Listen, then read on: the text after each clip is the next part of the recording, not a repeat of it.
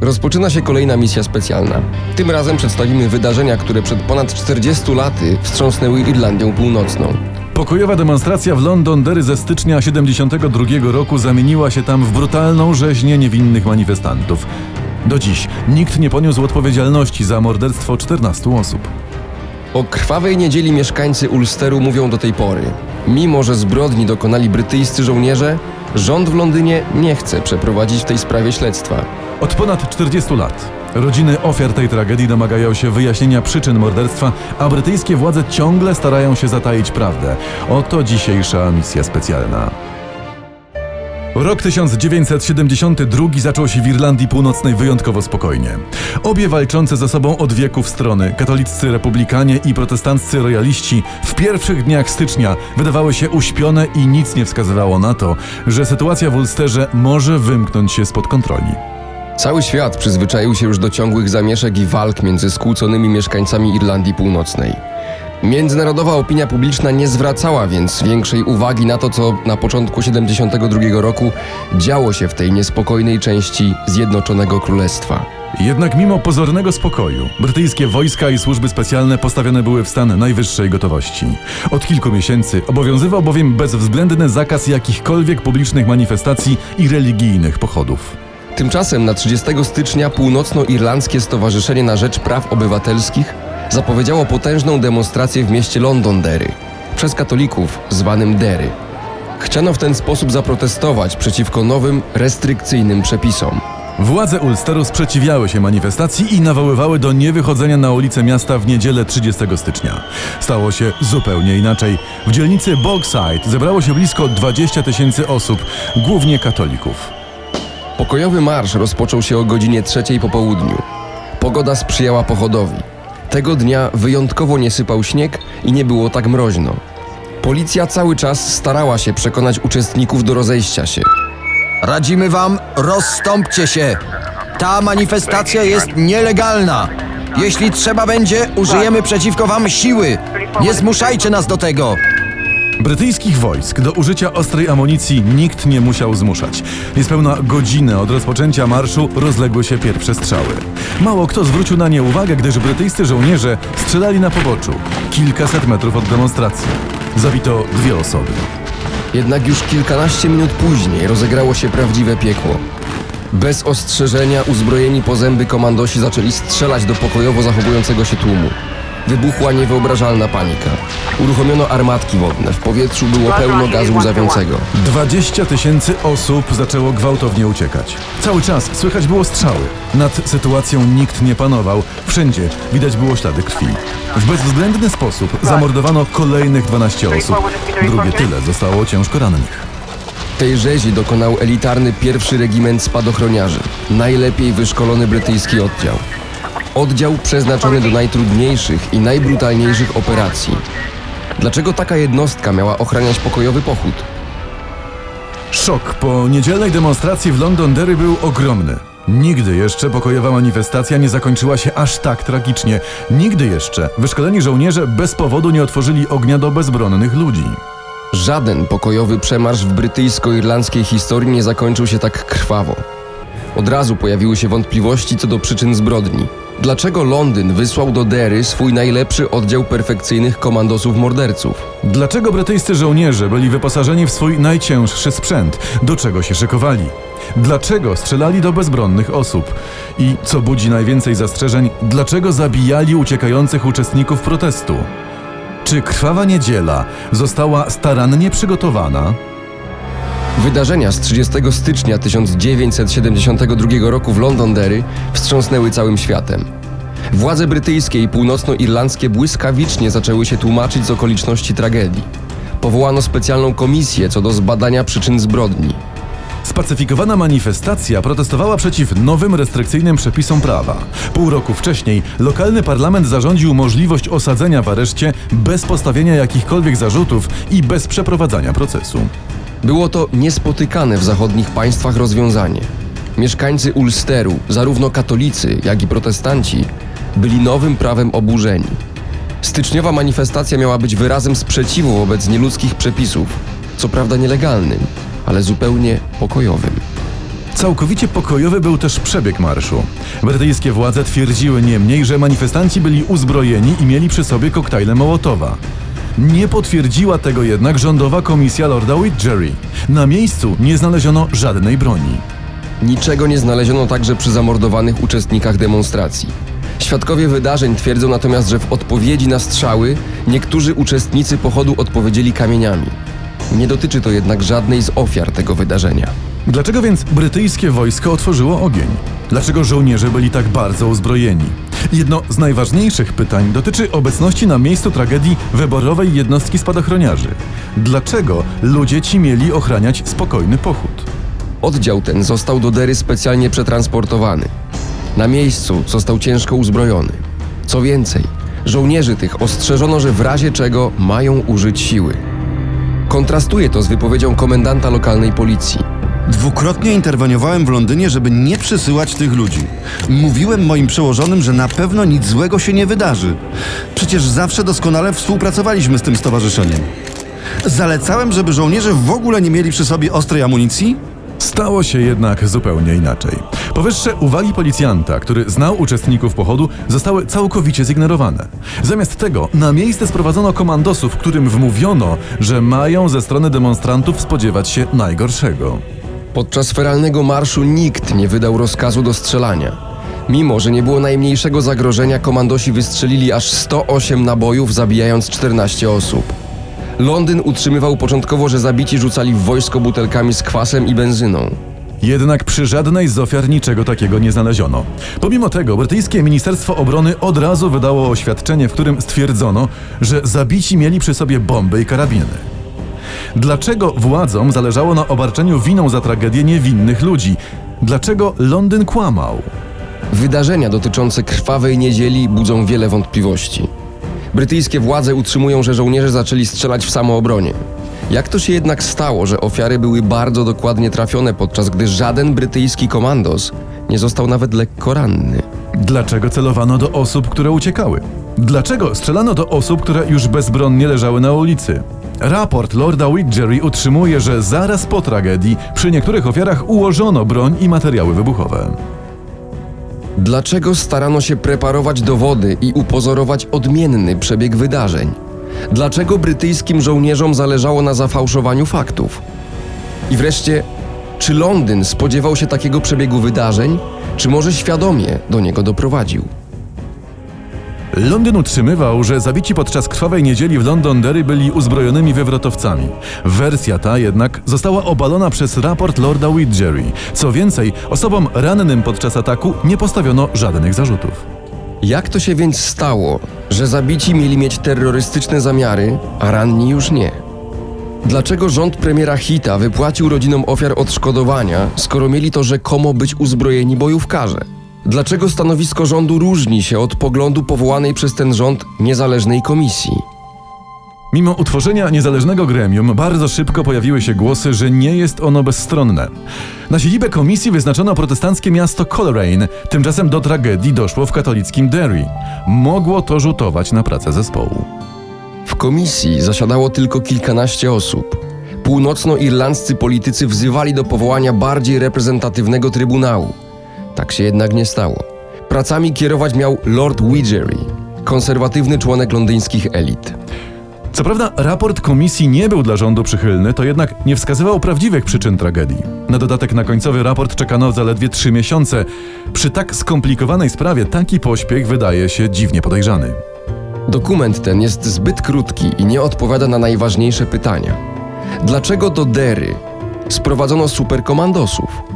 I dlaczego żołnierze ci tak po prostu zaczęli strzelać do bezbronnych manifestantów?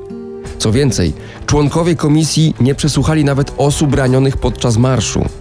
Raport zaprzeczył oficjalnej wersji, jakoby zabici byli uzbrojeni. Stwierdzono też, że brytyjscy żołnierze starali się spreparować dowody. Uchylono się jednak od odpowiedzi na pytanie, dlaczego wojsko zmierzało do ukrycia prawdy. Gdy tylko Lord Widgery publicznie oświadczył, że przy zabitych układano broń i butelki z benzyną, został natychmiast odwołany z funkcji. Swój punkt widzenia przedstawił na konferencji prasowej. Stał się pan dla kogoś niewygodny? Naszej komisji nie dostarczono wielu dowodów. Nie pokazano nam zdjęć z miejsca zbrodni, odmówiono nam obejrzenia zwłok, przysłano tylko opisy z sekcji, starano się utrudnić naszą pracę, no i te tajemnicze wkładanie w ręce zabitych broni. Po co to całe przedstawienie? Przewodniczący komisji stał się więc dla brytyjskich władz niewygodny. Londyn oczekiwał, że wybrany przez niego zespół potwierdzi oficjalną wersję. Gdy tylko członkowie komisji zaczęli okazywać oznaki niezależności, szefa grupy odwołano. Pomimo tego raport potwierdził, że żołnierze pierwsi otworzyli ogień, nie mając po temu żadnych powodów. Nie wydano żadnego rozkazu do otwarcia ognia. Jednak przed marszem dowodzący pierwszym regimentem spadochroniarzy nakazał użycie broni, jeśli sytuacja wymknie się spod kontroli. Mimo, że sytuacja była w pełni pod nadzorem, i tak zdecydowano się na egzekucję niewinnych demonstrantów. Rzecznik brytyjskiego rządu oświadczył, że do tragedii nigdy by nie doszło, gdyby uczestnicy zostali w domach. Władze dały więc do zrozumienia, że ofiary są same sobie winne. Takie postawienie sprawy zszokowało wszystkich. Downing Street było wyraźnie zainteresowane ukryciem prawdziwych okoliczności krwawej niedzieli w Londonderry. Okazało się także, że użycie wyszkolonego do zabijania wojska planowano od dawna. Co więcej, do Derry wybrano żołnierzy odznaczających się wyjątkową agresją i brutalnością. Potwierdziły to dokumenty psychologów tej jednostki.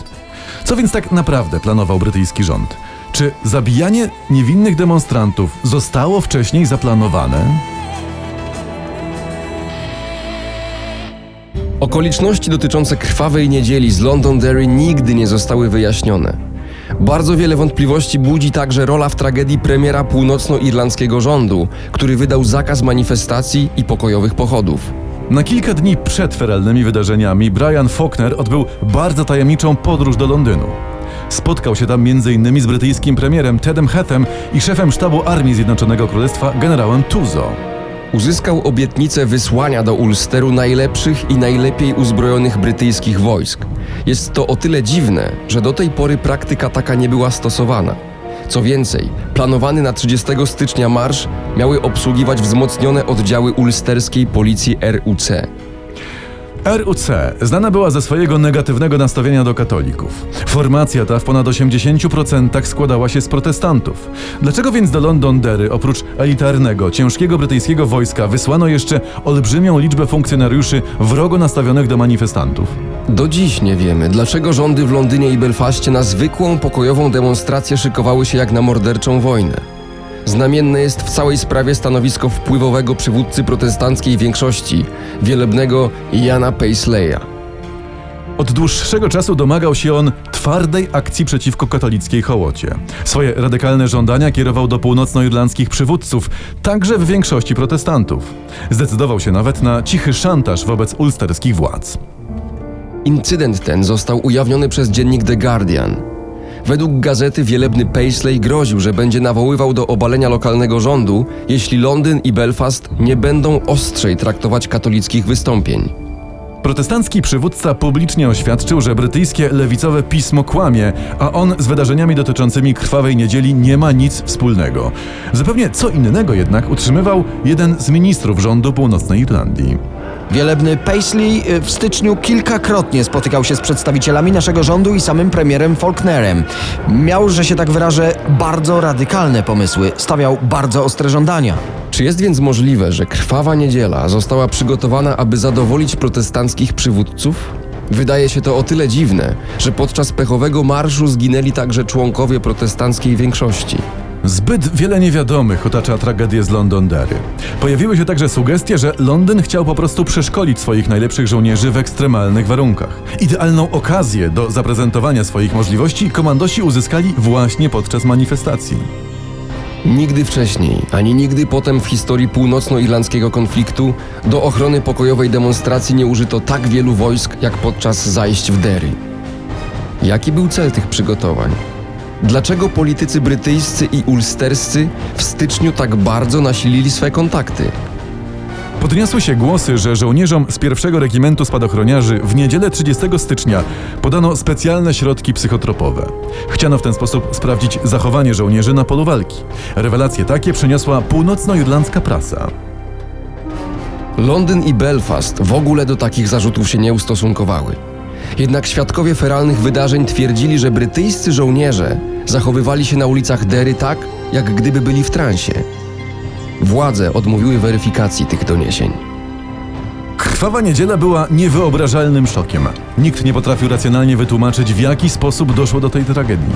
Oficjalne wyjaśnienia od początku same sobie przeczyły. Brytyjskie Ministerstwo Obrony kilkakrotnie zmieniało też wersję wydarzeń.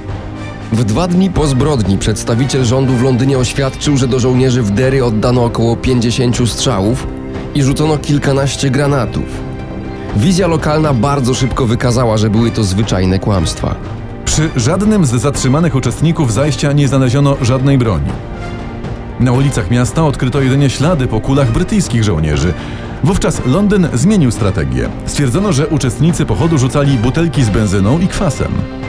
Jednak to rządowa komisja podniosła, że takie przedmioty zostały wniesione na miejsce tragedii przez wojsko i policję. Pojawiła się kolejna oficjalna wersja. Pierwszy regiment spadochroniarzy przygotowywał się do zastawienia pułapki na bojówkarzy z irlandzkiej armii republikańskiej. Na miejscu pechowych wydarzeń nie zatrzymano jednak żadnego członka IRA. Nie znaleziono żadnej broni czy materiałów wybuchowych należących do tej organizacji. A poza tym, dlaczego IRA miałaby atakować manifestację, którą popierała i której większość stanowili katolicy? Downing Street szybko wycofało się i z tej wersji. Oświadczono wówczas, że brytyjscy żołnierze celowali do osób poszukiwanych listami gończymi. Jednak żadna z zabitych czy rannych osób nie była nigdy poszukiwana przez policję. Ministerstwo Obrony utrzymywało początkowo, że komandosi strzelali do snajperów IRA znajdujących się na dachach kamienic.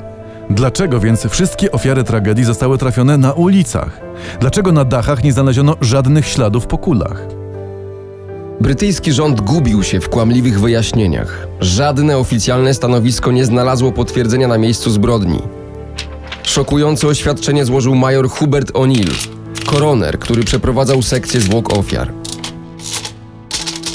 Z zimną krwią zabito niewinnych ludzi. Nic nie usprawiedliwia tej zbrodni.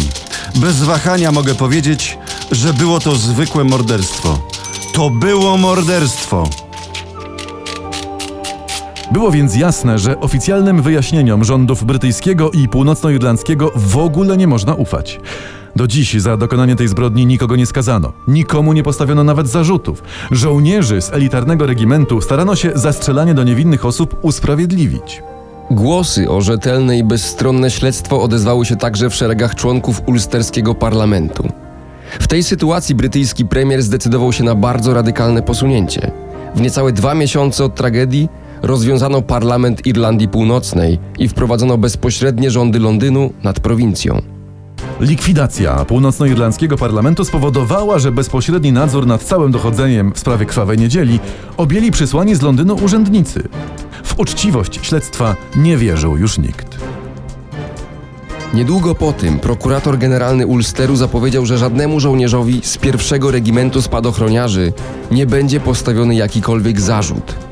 Tym samym postanowiono też zamknąć dochodzenie w sprawie tragedii w Londonderry. Aby zataić prawdę o wydarzeniach fatalnej niedzieli, Londyn uciekał się do wszelkich możliwych sposobów. Gdy sytuacja zaczęła wymykać się spod kontroli, zdecydowano się pozbawić Ulster resztek niezależności. Co takiego brytyjski rząd chciał ukryć, że uciekł się do aż takich rozwiązań? Krwawa niedziela do dziś pozostaje najbardziej brutalnym epizodem północnoirlandzkiej historii. Do dziś także pozostaje jedną z największych tajemnic w dziejach Ulsteru. Od ponad 40 lat od tragedii kolejne brytyjskie rządy odmawiały wszczęcia kolejnego śledztwa w tej sprawie. Stało się tak także w roku 1992, gdy rodziny ofiar zbrodni w 20. rocznicę wydarzeń wystąpiły do premiera Johna Majora o wznowienie dochodzenia w sprawie wydarzeń z Londonderry. Po raz kolejny jednak brytyjski rząd odmówił. Jest o tyle dziwne, że premier Major w tym samym roku wysłał list do przywódcy katolickiej mniejszości w Irlandii Północnej. Jest jasne, że osoby zabite podczas krwawej niedzieli były niewinne i nie miały żadnych powiązań z organizacjami militarnymi. Cała wina leży po stronie brytyjskiego wojska. Mimo takiego postawienia sprawy, Downing Street ciągle jednak utrzymywało, że kolejne śledztwo nie przyniesie żadnych nowych efektów. Można się jedynie domyślać, że rząd w Londynie cały czas miał coś do ukrycia i rezultat niezależnego dochodzenia byłby dla opinii publicznej szokujący.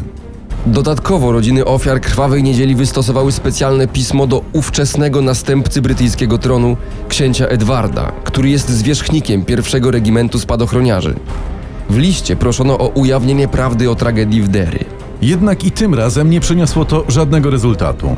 W odpowiedzi książę Edward stwierdził jedynie, że nie ma sensu rozgrzebywać ran z przeszłości.